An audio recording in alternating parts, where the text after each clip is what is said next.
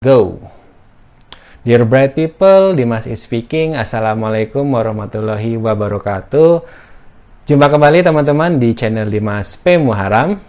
Uh, kali ini di Scholarship Journey, saya akan berbagi kabar gembira sekaligus tips ya buat teman-teman semua.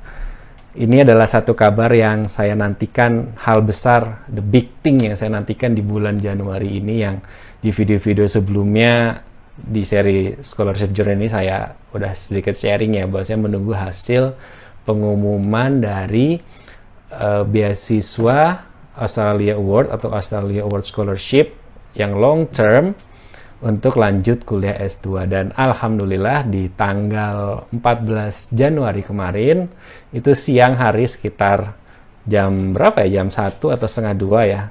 Karena memang beberapa hari ini udah sering banget tuh cek-cek email. Refresh refresh gitu ya setiap satu jam sekali kadang-kadang kadang-kadang malam ngecek juga gitu kan kalau tiba-tiba ada email masuk dan alhamdulillah ada email kiriman dari long term award uh, long term ya long term award uh, itu mengenai pengumuman dan alhamdulillah saya lolos sebagai salah satu kandidat awardee untuk uh, beasiswa Australia Scholarship intake 2021. Jadi yang insya Allah akan berangkat di tahun 2021 ini. Terima kasih buat semua teman-teman yang sudah bantu mendoakan, mendukung gitu kan, dan juga banyak pihak yang sudah membantu saya sampai bisa terwujud ini. Dan um, luar biasa sih kalau buat saya karena memang ini sesuatu yang sudah saya tunggu lama sekali. Mungkin kalau mau dihitung 8 tahun ya karena ini bermula sejak tahun 2013 ketika waktu itu um, saya ikut short course. Short course tiga bulan di Adelaide juga di Australia untuk program dari Australia Award juga tapi yang ini yang fellowship gitu. Dan dari situ mulailah sebetulnya ada keinginan untuk bisa lanjut S2 gitu. Karena saya lulus kuliah tahun 2012 dan banyak hal yang waktu itu dikorbankan sebetulnya. Seperti uh, pada saat 2013 itu sebetulnya saya sudah lolos tuh lolos untuk hmm, seleksi CPNS di tahap pemberkasan. Jadi mas uh, bisa lolos ke tahap berikutnya itu di tahap tes ya di seleksi kompetensi dasar. Tapi karena waktu itu waktu keberangkatannya itu bertepatan juga dengan saat tes jadinya sudah saya pilih berangkat. Karena mungkin kesempatan itu tidak datang dua kali ya dan pengalaman pertama saya juga ke luar negeri akhirnya um, saya ambil itu dan tidak bisa ikut tes CPNS. Nah di tahun 2014-nya ketika sudah balik ada moratorium. Jadi lewat deh itu ya kesempatan buat CPNS dan banyak hal juga sih sebetulnya selama 8 tahun kenapa tidak coba lagi? Karena memang bagaimana teman-teman ya saya itu memang aktif di dunia disabilitas di komunitas gitu. Dan salah satu passion saya adalah untuk bisa bermanfaat untuk teman-teman disabilitas. Tapi saya tidak berpikiran seperti ini tidak mau ambil S2 kalau misalnya tujuan ini tidak sesuai dengan passion saya atau dengan uh, pathway yang memang saya inginkan. Saya tahu bahwa banyak teman-teman yang aktif di komunitas, di NGO, di LSM atau organisasi disabilitas yang ambil beasiswa ini dan mereka termasuk salah satu targeted group ya untuk bisa mendapatkan ini gitu. Tetapi setelah kembali ya setelah dari kuliah mereka akan kembali ke organisasinya gitu dan sedangkan saya tidak ingin seperti itu. Ini bukan berarti saya um, tidak respect ya pada teman-teman yang ada di NGO. Saya sangat respect sekali gitu dan saya tahu banyak teman-teman yang sangat dedicated sekali di dunia advokasi disabilitas dan mendapatkan manfaat yang luar biasa dengan mengikuti kuliah ke luar negeri ini. Cuman saya inginnya itu eh, jalur yang lain gitu. Jalurnya adalah saya ingin punya karir yang profesional dan nanti S2 saya akan bermanfaat untuk sisi profesionalisa profesionalitasnya itu tapi juga saya tetap ingin berkontribusi juga buat masyarakat khususnya komunitas disabilitas. Nah, alhamdulillah ini salah satu jalannya bahwa saya bisa dapat S2 insya Allah dan ini akan bermanfaat buat kantor saya, instansi saya di Kemendikbud. Dan salah satu isu yang saya angkat itu ya ada kaitannya juga untuk kontribusi ke pendidikan inklusif, inklusif assessment, dan nantinya juga akan melalui instansi saya akan bisa berkontribusi juga untuk teman-teman disabilitas.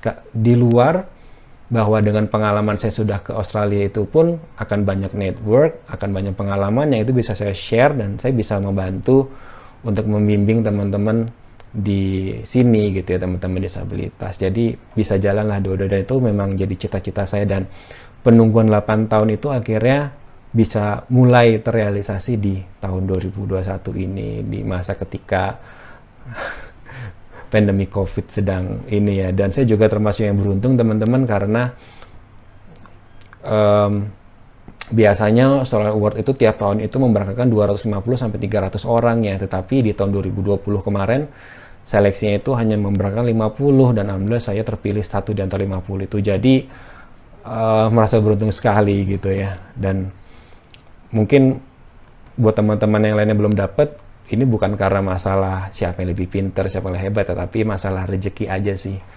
Itu. Nah, saya ada ada beberapa sih teman-teman, beberapa tips ya buat teman-teman yang mungkin baik itu teman-teman yang umum atau yang disabilitas yang ingin melanjutkan kuliah ke luar negeri yang salah satu tujuannya itu ke Australia. Nah, kaitannya dengan beasiswa ini yang pertama, teman-teman harus pahami dulu apakah teman-teman memang orang yang dicari oleh beasiswa tersebut. Nah, kalau mendaftar beasiswa itu, kayak tadi saya bilang ya, bukan siapa yang lebih pinter, siapa yang lebih hebat, tetapi kadang-kadang memang siapa yang cocok sama beasiswa itu. Nah, kalau untuk beasiswa Australia Award Scholarship, yang dulu namanya adalah ADS, Australia Development Scholarship, itu memang yang dicari adalah orang-orang yang future leader, yang potensial buat jadi future leader atau pemimpin di masa depan dan nanti ketika sudah kembali dari kuliah itu dia akan berkontribusi untuk pembangunan di negaranya. Pembangunan SDM, pembangunan masyarakat, baik itu di instansi publik, misalnya di kementerian atau Pemda atau di NGO gitu. Jadi memang yang dicari adalah orang-orang yang seperti itu. Kalau misalnya teman-teman ingin menjadi profesional, misalnya di bidang keuangan, di bidang manajemen, atau ya itu lebih untuk peningkatan kapasitas personal ya yang pastinya itu akan bermanfaat sekali buat karir teman-teman mungkin belum tidak cocok untuk di beasiswa ADS ini. Tapi seperti beasiswa lain mungkin LPDP atau ada Fulbright yang untuk di Amerika atau Chevening itu cocok. Tapi biasanya tiap beasiswa itu ada karakternya masing-masing teman-teman. Jadi teman-teman perlu tahu itu juga karakter dari beasiswa nya itu seperti apa. Jadi ketika misalnya teman-teman tidak berhasil, bisa jadi bukan karena teman-teman kurang nih kualifikasinya atau seperti atau seperti apa, tapi mungkin bisa jadi memang bukan orang yang dicari oleh beasiswa itu. Jadi bisa cari beasiswa yang lain teman-teman ya. Itu yang pertama. Nah yang kedua uh, harus banyak ini ya, harus banyak bertanya atau cari informasi mengenai ke, ke alumni-alumni sebelumnya. Nah, seperti saya juga itu kemarin banyak sekali. Saya makanya sangat berterima kasih sekali pada beberapa teman baik itu yang masih kuliah di sana lalu juga ada beberapa youtuber-youtuber yang sharing informasi. Nah, itu adalah guru-guru saya yang um, membimbing dan memberikan informasi yang luar biasa. Jadi saya bisa um, inilah ya bisa mengikuti proses seleksinya itu dengan baik, dengan teliti, tidak ada satu yang terlewat. Karena bisa jadi ya bisa jadi ada hal-hal kecil yang terlewat dan itu jadi pengganjalan. Tapi saya coba review, coba kulik sana sini gitu ya, uh, cari informasinya dan banyak sekali insight-insight yang termasuk tips-tips yang kecil tadi yang mungkin uh, bisa jadi terlewat gitu. Dan oleh karena itu juga nanti ke depannya saya juga akan sharing juga pengalaman saya step by step. Ya selain buat dokumentasi saya juga siapa itu bermanfaat buat teman-teman baik yang umum dan atau juga yang khusus nih buat teman-teman yang disabilitas yang ingin lanjut kuliah dengan beasiswa Australia Award Scholarship ini. Jadi karena banyak sih ya khususnya buat yang disabilitas ini ada form-form yang harus diisi tentang disability support dan lain-lain dan itu akan saya sharing nanti ke depannya. Lalu yang tips berikutnya adalah um, teman-teman juga harus teliti ya. Harus teliti untuk semua prosesnya gitu. Harus baca handbooknya harus baca semua aturannya gitu. Jadi jangan sampai ada yang terlewat. Karena saingannya luar biasa teman-teman. Waktu saya itu kemarin ada sekitar 6000 yang melamar dan 100 hanya 100 yang diambil untuk uh, interview.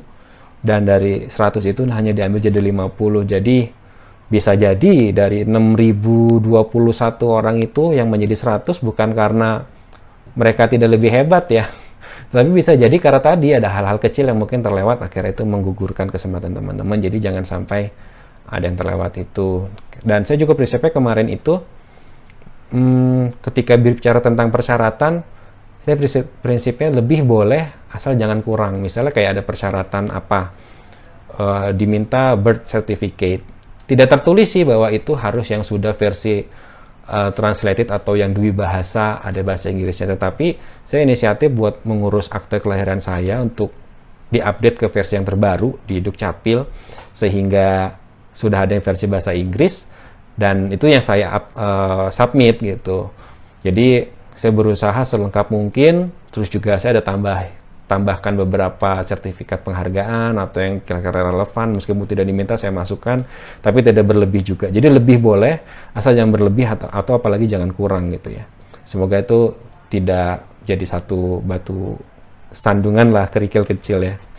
Lalu yang terakhir teman-teman harus yakin tadi bahwa masalah beasiswa ini adalah masalah rezeki ya, masalah rezeki dan juga masalah takdir ya. Jadi kalau yang belum berhasil tidak perlu kecil hati gitu ya.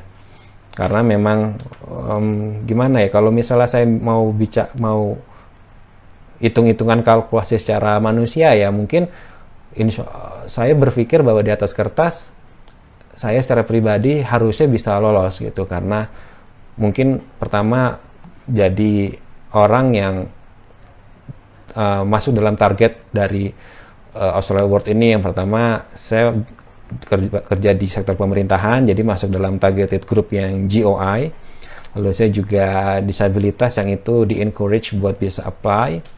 Lalu yang ketiga nilai IELTS saya juga lumayan. Saya overall 7,5 gitu kan. Nah tapi saya tetap selama beberapa hari itu selama bulan Januari setelah interview itu galau luar biasa itu.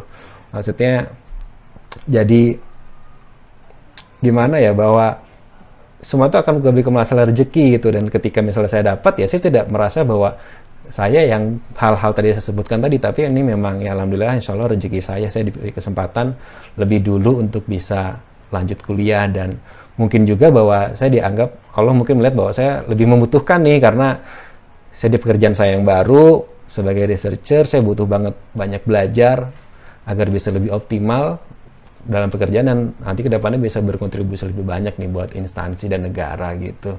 Dan apa yang dilakukan adalah tadi pasrah ya teman-teman kita cuma bisa doa minta doa sama orang orang tua gitu ya. Terus kalau yang muslim banyak yang sholat malam sedekah puasa gitu kan. Saya juga apa ada janji juga bernazar juga gitu. Jadi apa pun yang saya lakukan lah ya untuk untuk mendapatkan cita-cita saya ini. Karena saya berpikir waktu itu bahwa ini kayak semacam one way ticket buat saya. Kalau ini lewat nggak tahu ada kesempatannya apa lagi. Karena saya sudah merasa I have done my best gitu kan. Saya sudah selama beberapa bulan dulu dari bulan Februari saya udah browsing sana sini tanya orang sana sini uh, nontonin video youtuber-youtuber yang alumni atau yang masih kuliah di sana gitu. Dan semua udah lengkap banget gitu kan.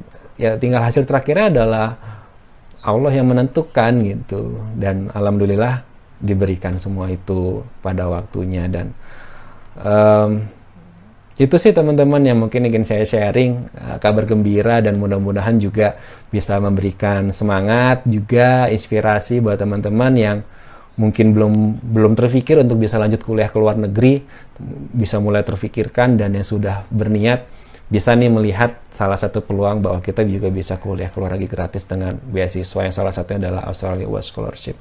Nanti next saya juga akan sharing juga beberapa insight sih kayak kenapa sih harus kuliah ke luar negeri, terus juga lanjutan lagi apalagi yang perlu dipersiapkan setelah kemarin dokumen untuk beasiswa AAS yang biasanya di tiap tahun akan dibuka di bulan Februari untuk tahun 2021 ini. Jadi silakan teman-teman bisa di subscribe ya video saya di channel Dimas P Muharam. Kalau yang belum, jangan lupa diaktifkan juga lonceng notifikasinya. lalu klik like kalau suka dan di-share ke sebanyak mungkin orang agar semakin banyak teman-teman kita yang mendapatkan masa depan yang lebih cerah secara sinar mentari. Oke, okay? thank you and see ya.